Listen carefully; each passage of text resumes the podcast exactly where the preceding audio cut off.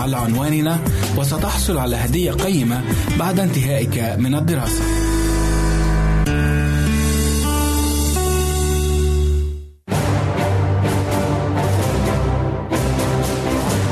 المستمعين والمستمعات نود أن نعلمكم بتغيير ترددات البث لبرامجنا ابتداء من السادس والعشرين من شهر مارس أذار 2017 على النحو التالي للجمهورية الليبية سيبدأ البث الصباحي في الساعة السادسة بتوقيت جرينتش بتردد مقداره 11880 بطول 19 كيلومتر. والبث المسائي في الساعة السادسة بتوقيت جرينتش بتردد مقداره 11985 وبطول 25 كيلومتر. ولمنطقة شبه الجزيرة العربية والعراق ومصر يبدأ البث الصباحي الساعة الخامسة بتوقيت جرينتش بتردد مقداره 17780 بطول 19 كيلومتر. والبث المسائي مساء الساعة السابعة بتوقيت جرينتش بتردد مقداره 11680 وبطول 19 كيلومتر. لمنطقة المغرب العربي يبدأ البث الصباح الساعة السابعة بتوقيت جرينتش بتردد مقداره 15225 بطول 19 كيلومتر. والبث المسائي الساعة السابعة بتردد مقداره 11800 بطول 25 كيلومتر. نشكركم أعزائي على استماعكم لراديو صوت الوعد.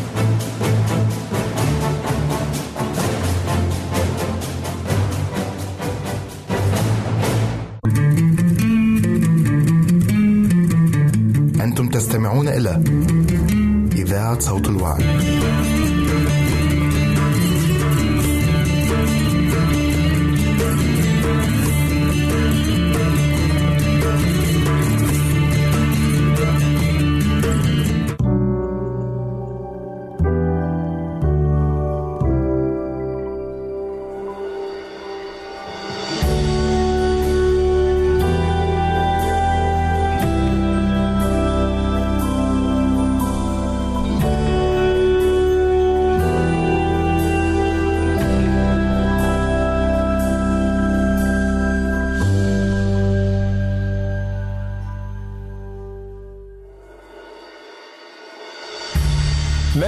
الرجولة الحقيقية إنسانيا وروحيا. ماذا يفعل الرجل إن اكتشف أن فتاته أو عروسه المزمع أن يتزوجها حاملا بدونه؟ هل ينتقم لشرفه كعادة الرجل الشرقي؟ أم يتسامح؟ هل يخضع للمعايير الاجتماعية والعادات والتقاليد؟ أم يخرج عن المألوف ويتسامح؟ وهل تسامحه هذا ينتقص من رجولته؟ فما هي إذا الرجولة الحقيقية؟ في الأخذ بالشرف والقتل أم في ماذا؟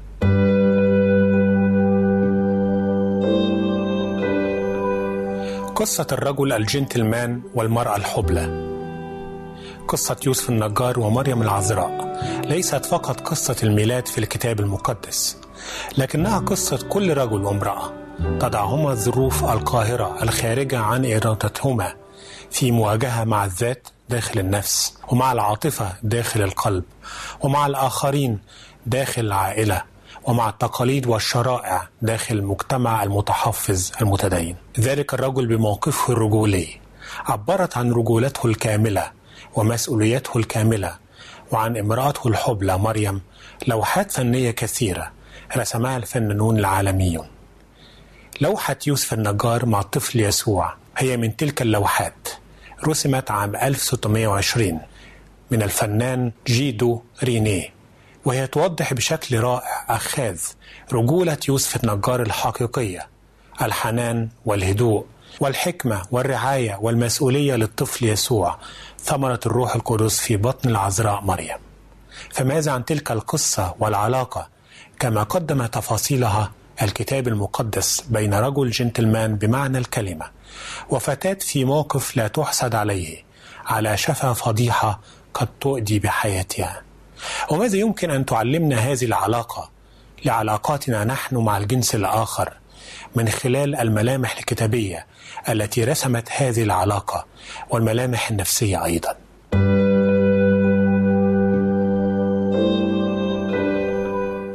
علاقة الرجولة الحقيقية مع الأنوثة الضعيفة. تجسدها لنا شخصية اليوم في علاقة مع خطيبة في موقف حرج للغاية. شخصية يوسف النجار وعلاقته مع مريم العذراء.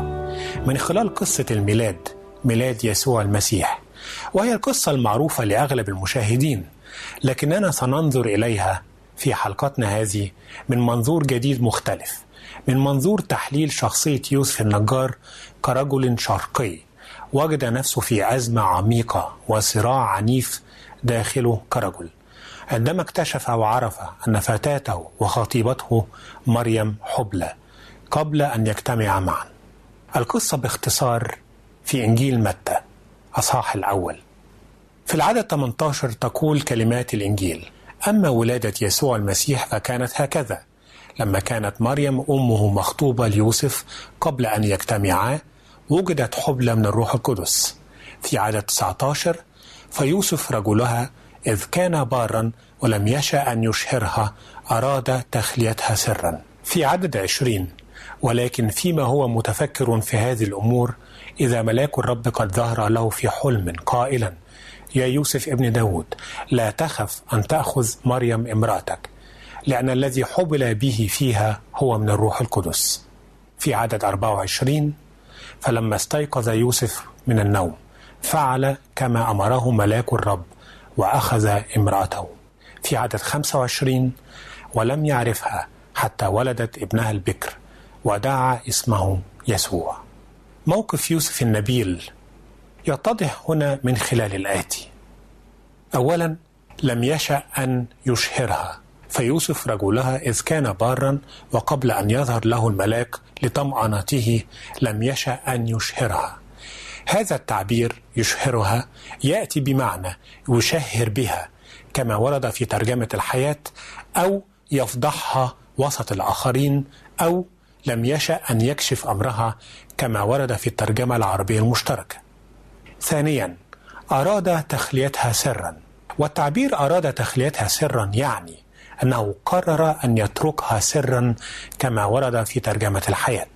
ولكن فيما هو مفتكر في هذه الأمور أي أنه كان في صراع مع نفسه. إذ ملاك الرب قد ظهر له في حلم قائلا يا يوسف ابن داود لا تخف أن تأخذ امرأتك. أي لا تخف أن تأتي بمريم عروسك إلى بيتك. حسب ترجمة الحياة. لأن الذي حبل به فيها هو من الروح القدس. ثالثا دخل في صراع روحي نفسي. كرجل وإن سمع بالتفسير أو القصة من مريم نفسها إلا أنه مؤكد دخل في صراع. لكنه خرج من هذا الصراع منتصرا. خرج رجلا بمعنى الكلمة. والآن كيف نفهم مزيد عن شخصية يوسف النجار؟ وعن علاقته كرجل شرقي مع خطيبته مريم العذراء من خلال الثقافة السائدة آنذاك. الملامح الثقافية للشخصية أو العلاقة. تأتي من السؤال هنا. كيف يتصرف يوسف مع مريم كرجل جنتلمان بناء على الأعراف والتقاليد؟ تصرف يوسف بنبل وأخلاق نادرين عندما أراد ستر الفضيحة الاجتماعية والروحية المترتبة بعد اكتشاف أن عذراءه ليست عذراء بل أيضا حبلى. وذلك كله قبل أن يظهر الملاك لانتزاع الصراع من داخله وإبراء ساحة مريم.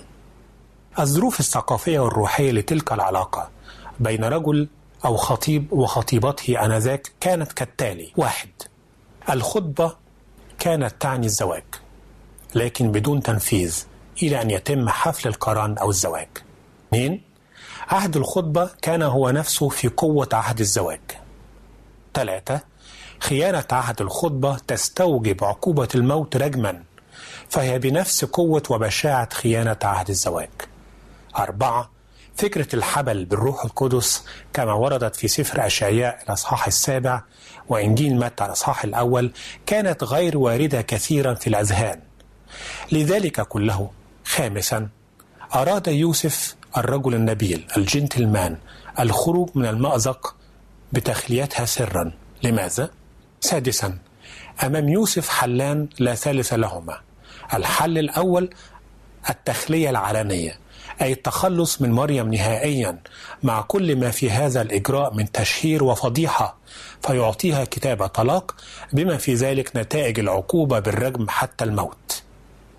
الحل الثاني التخلية السرية أي يخليها أو يحلها من رابطة زوجية سرا أمام اثنين من الشهود فقط وبدون اتهامها بالتهمة الشنيعة في حالة التخلية العلنية. سابعا نسب الثمرة التي في بطنها إليه هو كوالد للطفل. تلك كانت النتيجة المرتبطة بالحل الثاني حسب الأعراف والتقاليد آنذاك. وبالتالي ثامنا فضل يوسف الحل الثاني أي التخلية السرية. كرجل نبيل وعظيم. أو كرجل جنتلمان على حد تعبير إلياس مكار في كتابه شخصيات الكتاب المقدس وكأنه اختار الرحمة بل بالتأكيد اختار الرحمة وليس الغضب أو العقاب. تاسعا صدق يوسف وآمن بالحبل المعجزي لمريم. عندما ظهر له الملاك في حلم وسط صراعه النفسي كرجل وصراعه الروحي كمؤمن غير خططه كلها وتمم إجراءات الزواج. الكتاب بيقول في النقطة دي فلما استيقظ يوسف من النوم فعل ما أمره ملاك الرب وأخذ امراته. وتوضح الترجمة العربية المشتركة معنى هذه الآية إذ تقول فجاء بامرأته إلى بيته. الأصحاح الأول عدد 24 عاشرا تنازل عن رغباته الجسدية كرجل. يذكر لنا الكتاب المقدس في إنجيل متى أصحاح الأول عدد 25 أن يوسف لم يعرفها حتى ولدت ابنها البكر ودعا اسمه يسوع. وتوضح ترجمة الحياة ذلك أيضا بوضوح إذ تقول ولم يدخل بها وتعبير أو كلمة عرفها هي عبارة كتابية تقليدية تدل على العلاقات الزوجية بل العلاقة الجنسية بين الرجل والمرأة في حالة الزواج.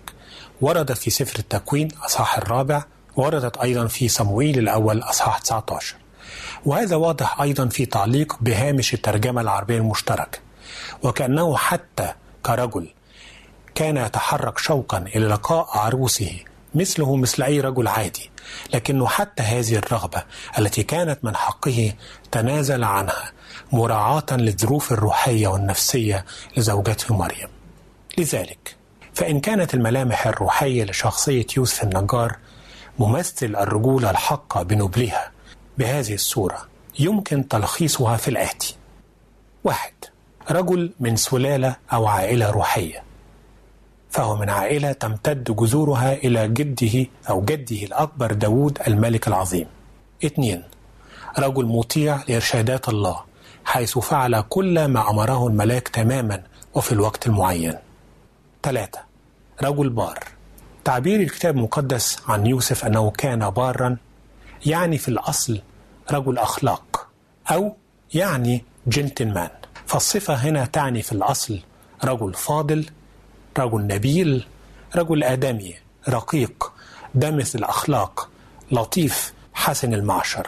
فإن كانت هذه الملامح الروحية للرجولة الحقيقية أو للرجل النموذج ممثلة في يوسف النجار. كما رسمها الكتاب المقدس. ماذا الملامح النفسية لذلك الرجل الذي عينته السماء والعناية الإلهية ليقوم بمهمة مصيرية في خطة الخلاص؟ ما تأثير ذلك على علاقته بمريم العذراء خطيبته وعروس المستقبل؟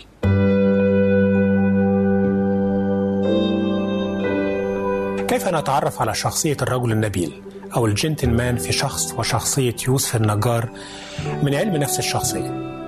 من نفس الملامح الروحية الكتابية للرجل يوسف النجار هناك أيضا ملامح نفسية له.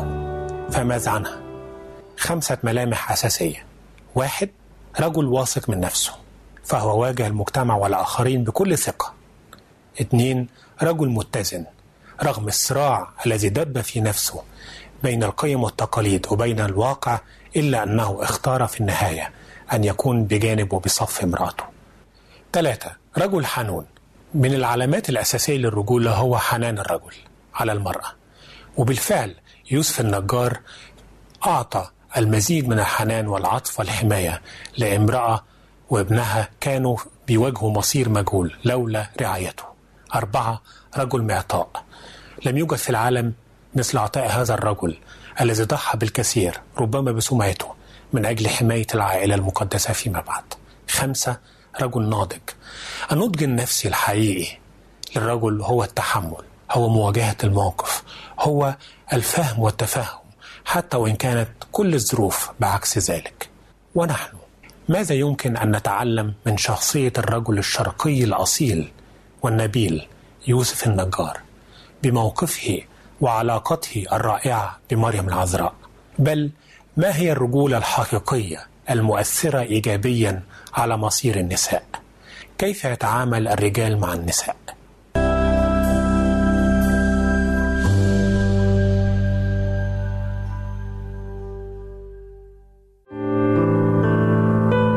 عزيزي المستمع يمكنك مراسلتنا على عنواننا الإلكتروني Arabic at awr.org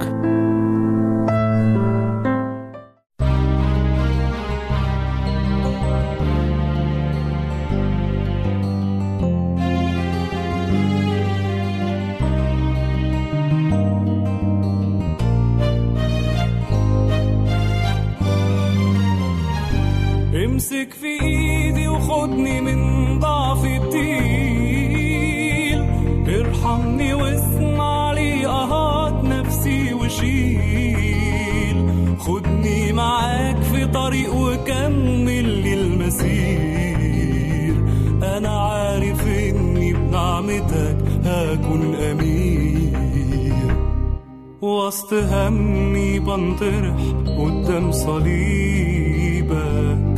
عارف إني مش هكون إلا حبيبك. وسط همي بنطرح قدام صليبك. عارف إني مش هكون إلا حبيبك. وأجي وأنا كلي خجل أمسك في طوبك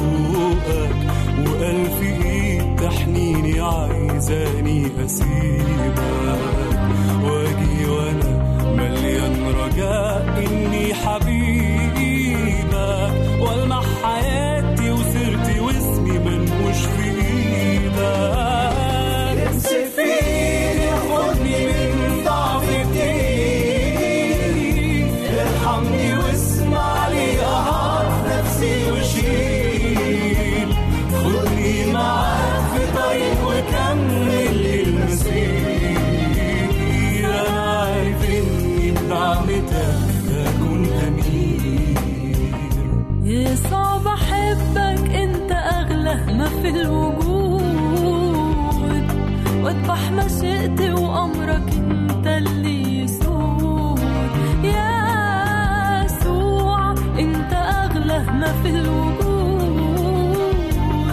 أذبح مشيئتي وأمرك أنت اللي يسوق وأنا واثق إني في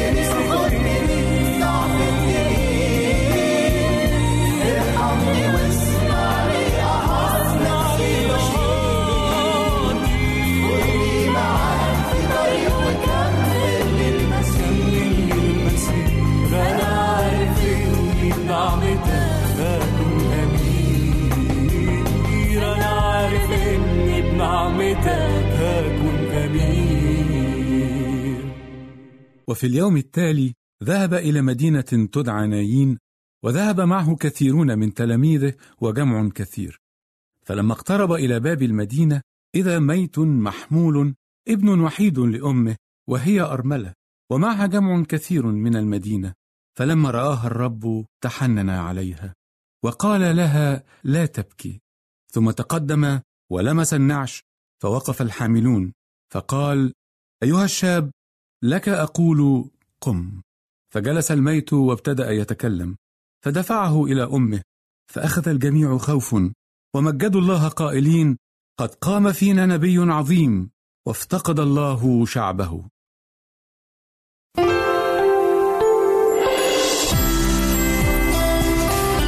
هنا إذاعة صوت الوعد. لكي يكون الوعد من نصيبك.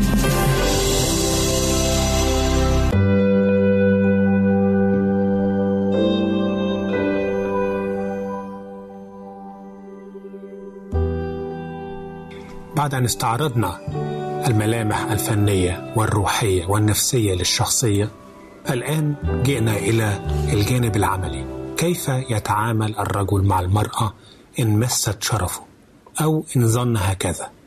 إن طالت الأقاويل امرأته إن شعر ببركان من الغضب والانتقام داخله. كيف يتعامل مع هذا الموقف روحيا ونفسيا؟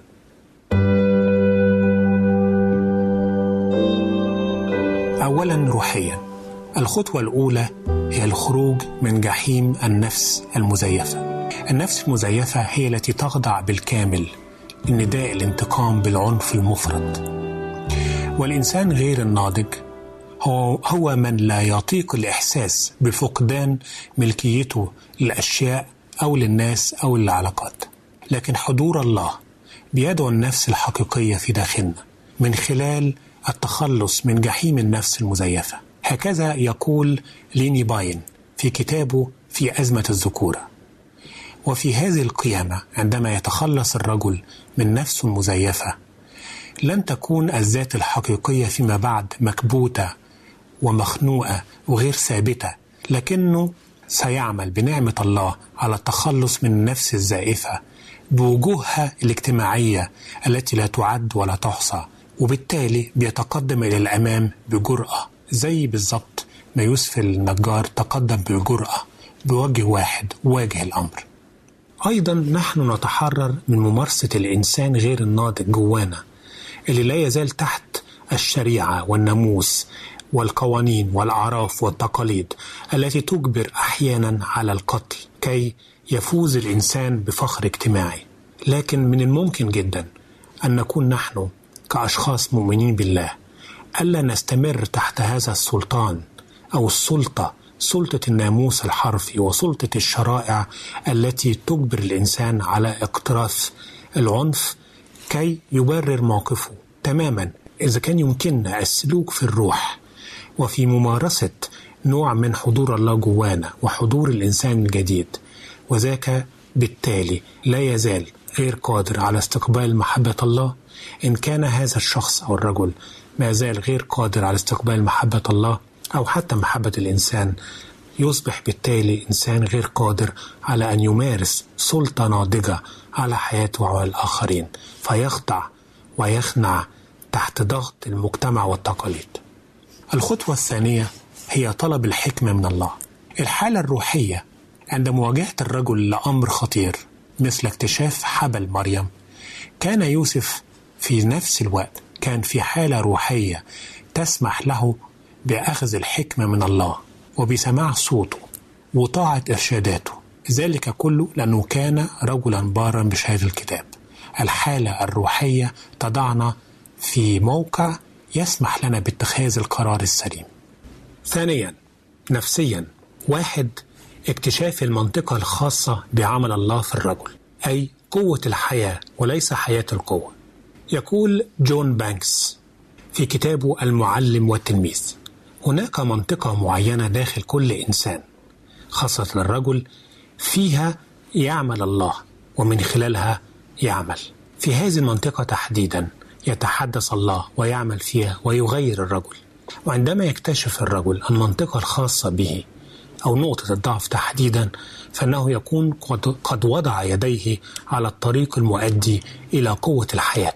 ولعل هذا ما فعل يوسف كرجل بار أخضع رجولته المهددة تحت سلطة وإرادة الله القوية وهناك بالطبع الملايين من أمثال يوسف النجار من الرجال اللي هم في حاجة الآن لأن يكتشفوا تلك المن أو تلك المنطقة الموجودة داخلهم والتي يمكن لله أن يعمل من خلالها فيهم هذه المنطقة هل هي الذات بكبريائها؟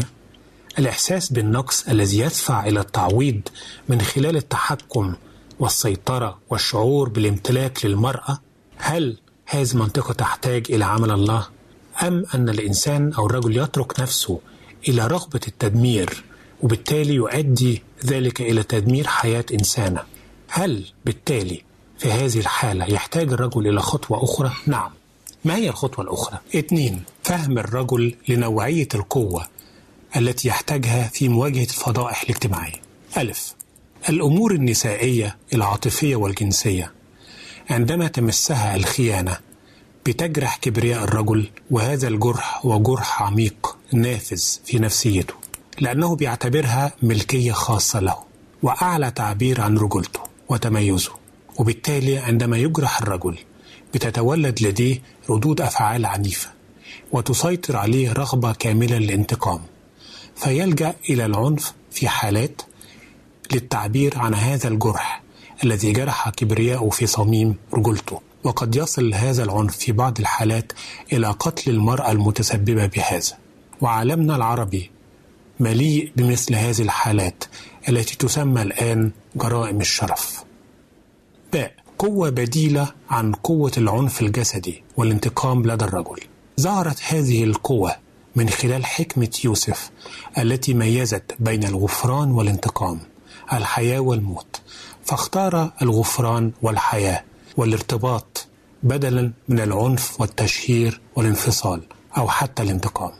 جيم القوة الحقيقية لدى الرجل الحقيقي هي قوة نفسية روحية وليست مادية أو جسدية.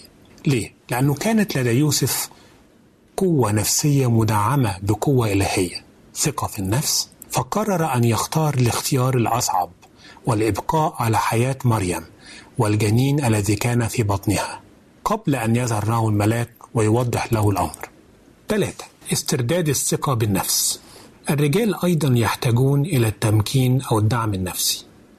ده اللي بيأكده جون جراي في كتابه الرجال من المريخ النساء من الزهر. والرجل في مثل هذا الموقف العصيب حيث تصرخ كرامته بالانتقام واسترداد شرفه الضائع بيكون في أمس الحاجة إلى الدعم النفسي والروحي طبعا. والرجل يشعر بالدعم النفسي أو التمكين عندما يكون موثوقا به ومقبولا ومقدرا ومستحسنا ومشجعا.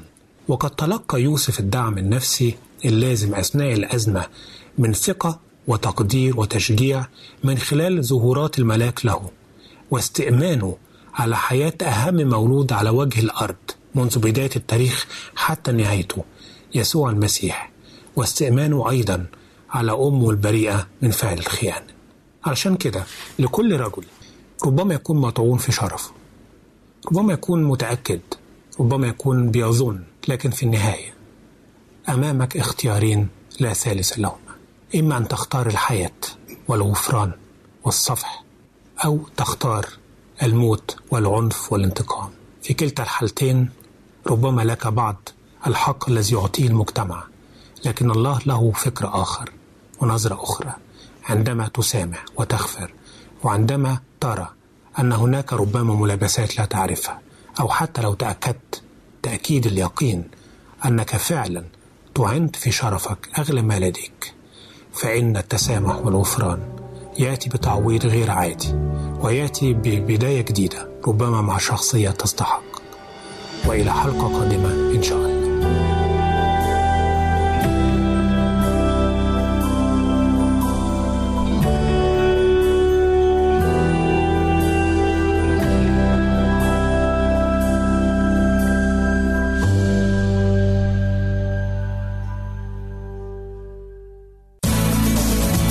يمكنك مشاهدة هذا البرنامج على قناة الوعد أو على ال website www.l-wad.tv www.al-waad.tv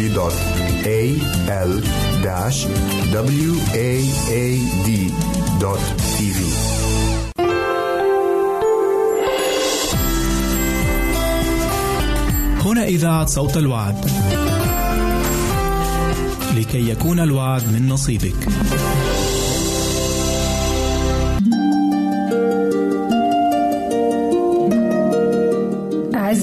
المستمعين والمستمعات نود أن نعلمكم بتغيير ترددات البث لبرامجنا ابتداء من السادس والعشرين من مارس آذار 2017 على النحو التالي. للجمهورية الليبية سيبدأ البث الصباحي في الساعة السادسة بتوقيت جرينتش بتردد مقداره 11880 بطول 19 كيلومتر. والبث المسائي في الساعة السادسة بتوقيت جرينتش بتردد مقداره 11985 وبطول 25 كيلومتر. ولمنطقة شبه الجزيرة العربية والعراق ومصر يبدأ البث الصباحي الساعة الخامسة بتوقيت جرينتش بتردد مقداره 17780 بطول 19 كيلومتر. والبث المسائي الساعة السابعة بتوقيت جرينتش بتردد مقداره 11680 وبطول 19 كيلومتر. لمنطقة المغرب العربي يبدأ البث الصباحي الساعة السابعة بتوقيت جرينتش بتردد مقداره 15225 بطول 19 كيلومتر. والبث المسائي الساعة السابعة بتردد مقداره 11800 بطول 25 كيلومتر. نشكركم أعزائي على استماعكم لراديو صوت الوعد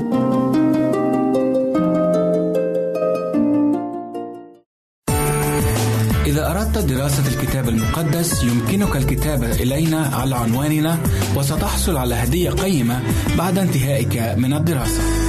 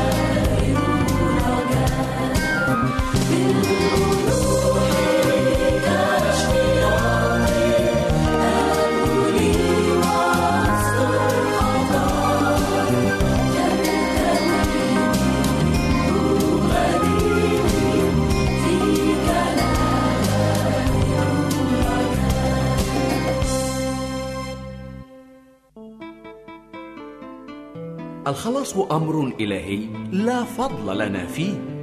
فالآب مدبره والابن منفذه والروح القدس موصله.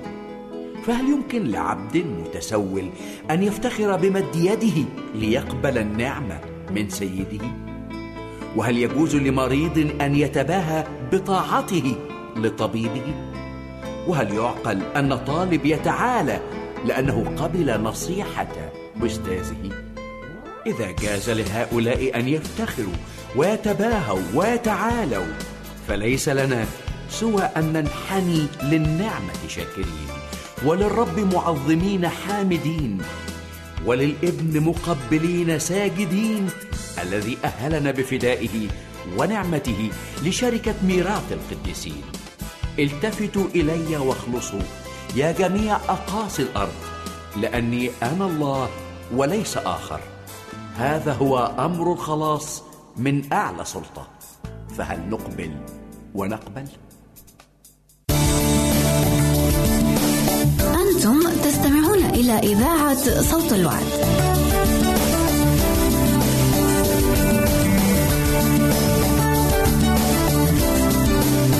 أهلا وسهلا بكم أحبائي المستمعين والمستمعات في حلقة جديدة من برنامجكم أمثال الحكيم. حلقة النهاردة أحبائي مأخوذة من سفر الأمثال إصحاح 11 وأعداد 10 و11. يقول الحكيم: بخير الصديقين تفرح المدينة وعند هلاك الأشرار هتاف. ببركة المستقيمين تعلو المدينة وبفم الأشرار تهدم. النهارده أحبائي هنتكلم عن تأثير البار والشرير في المجتمع المحيط بيه النهارده الآيات اللي بيكلمها لنا سليمان الحكيم واللي موجودة في سفر الأمثال بتورينا الفرق بين وجود البار ووجود الإنسان الخاطي في المجتمع في البيئة في المدينة اللي هو موجود فيها هل الإنسان ليه تأثير على المجتمع اللي هو بيعيش فيه هل المؤمن ليه تأثير؟ هل الخاطي ليه تأثير؟ بالتأكيد وده اللي ربنا بيقوله فهنا مثلا تعالوا نشوف في عدد عشرة بيقول سليمان بخير الصديقين تفرح المدينة. يعني إيه؟ يعني إيه بخير الصديقين تفرح المدينة؟ نفترض مثلا إن في واحد صديق واحد بار. واحد طيب واحد حلو واحد عظيم.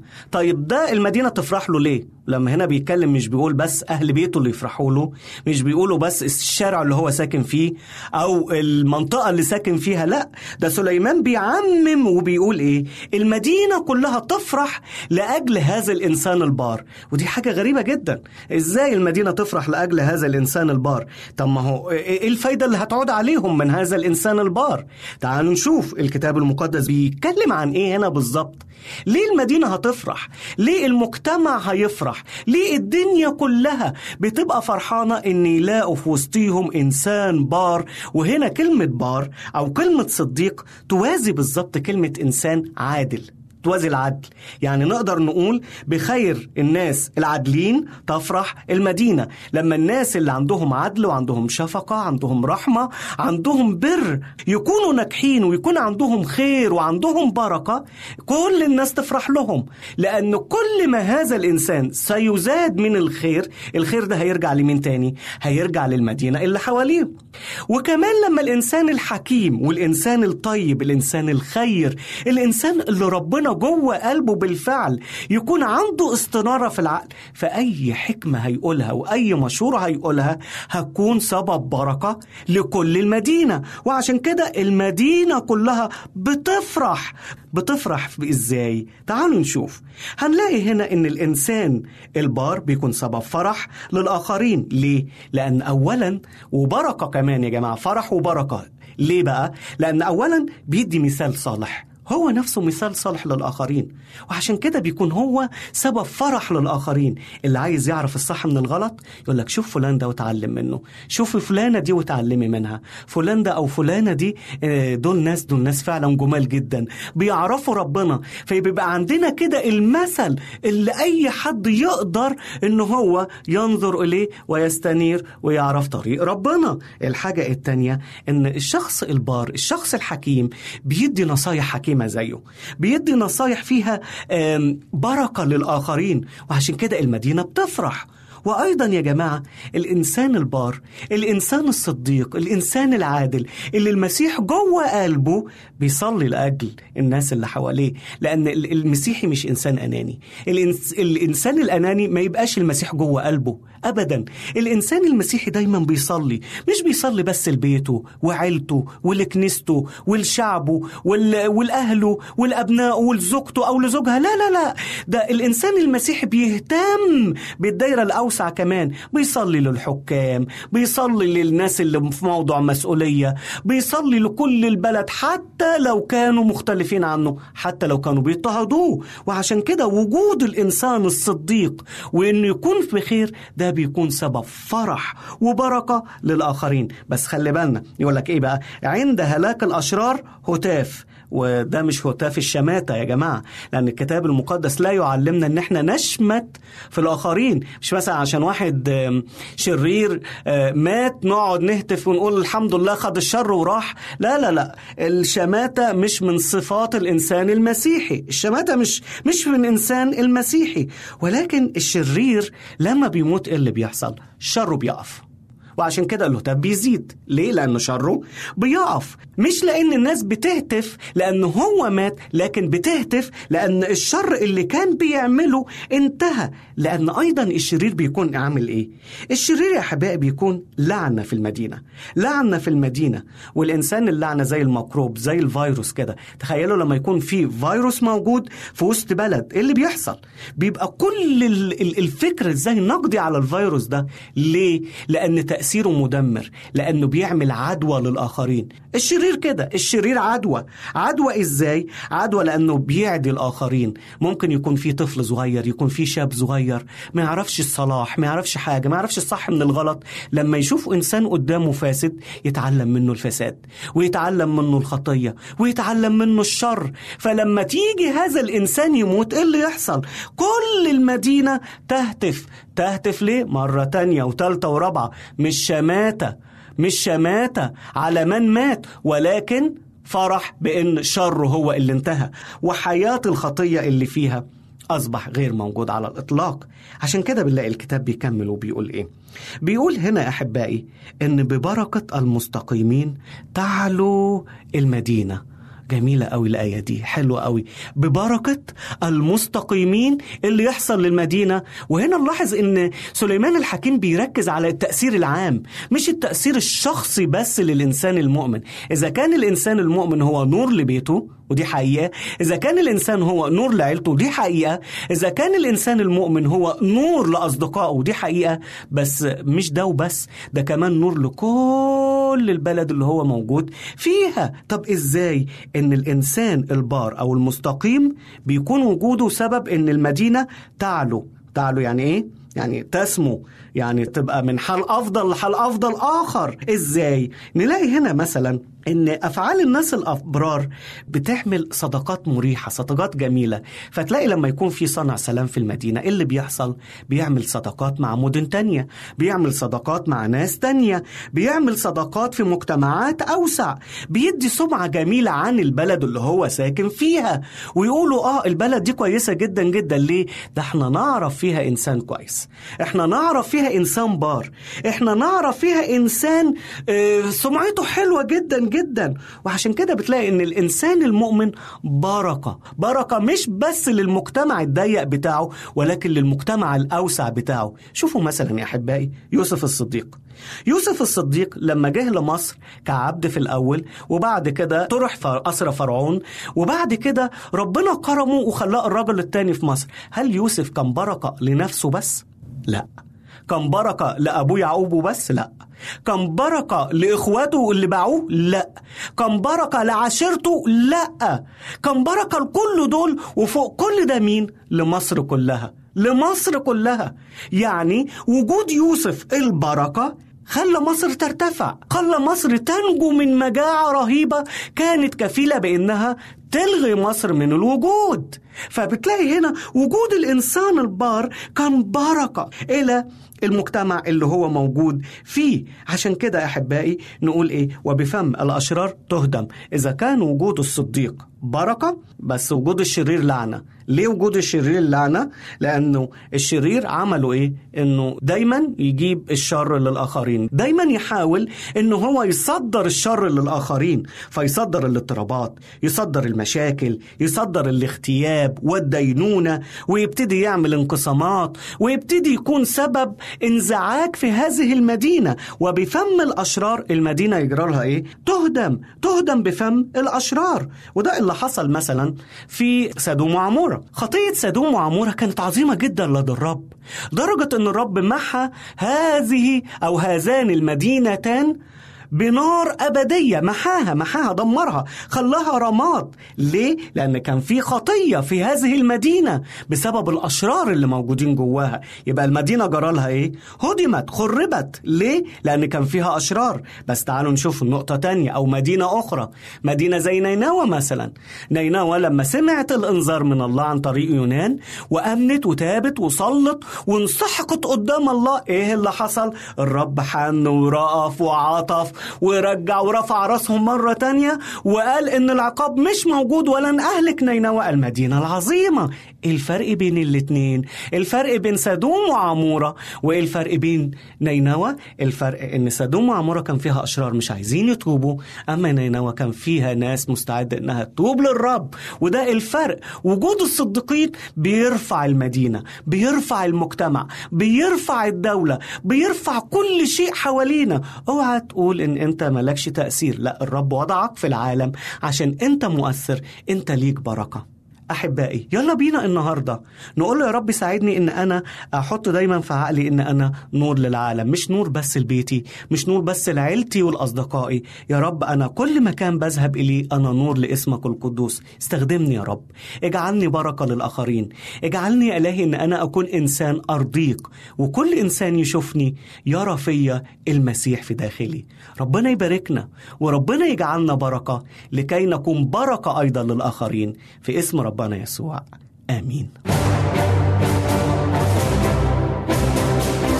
أعزائي المستمعين والمستمعات نود أن نعلمكم بتغيير ترددات البث لبرامجنا ابتداء من السادس والعشرين من شهر مارس أذار 2017 على النحو التالي. للجمهورية الليبية سيبدأ البث الصباحي في الساعة السادسة بتوقيت جرينتش بتردد مقداره 11880 بطول 19 كيلومتر. والبث المسائي في الساعة السادسة بتوقيت جرينتش بتردد مقداره 11985 وبطول 25 كيلومتر. ولمنطقة شبه الجزيرة العربية والعراق ومصر يبدأ البث الصباحي الساعة الخامسة بتوقيت جرينتش بتردد مقداره 17780 بطول 19 كيلومتر. والبث المسائي الساعة السابعة بتوقيت جرينتش بتردد مقداره 11680 وبطول 19 كيلومتر. لمنطقة المغرب العربي يبدأ البث الصباحي الساعة السابعة بتوقيت جرينتش بتردد مقداره 15225 بطول 19 كيلومتر. والبث المسائي الساعة السابعة بتردد مقداره 11800 بطول 25 كيلومتر. نشكركم أعزائي على استماعكم لراديو صوت الوعد.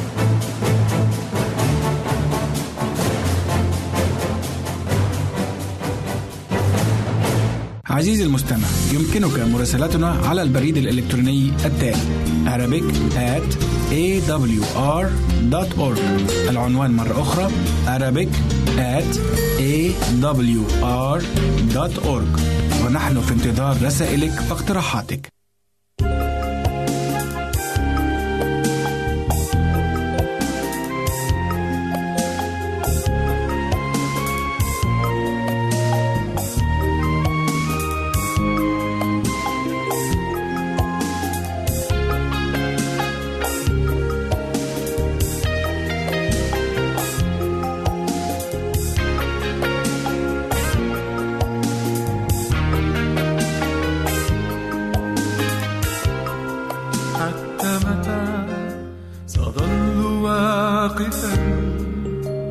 أسير في مكاني.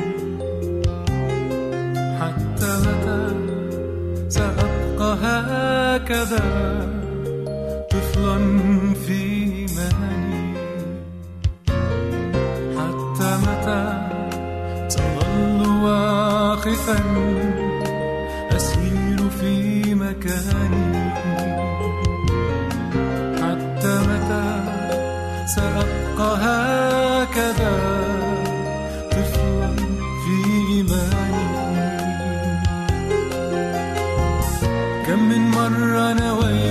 ولم أفعل.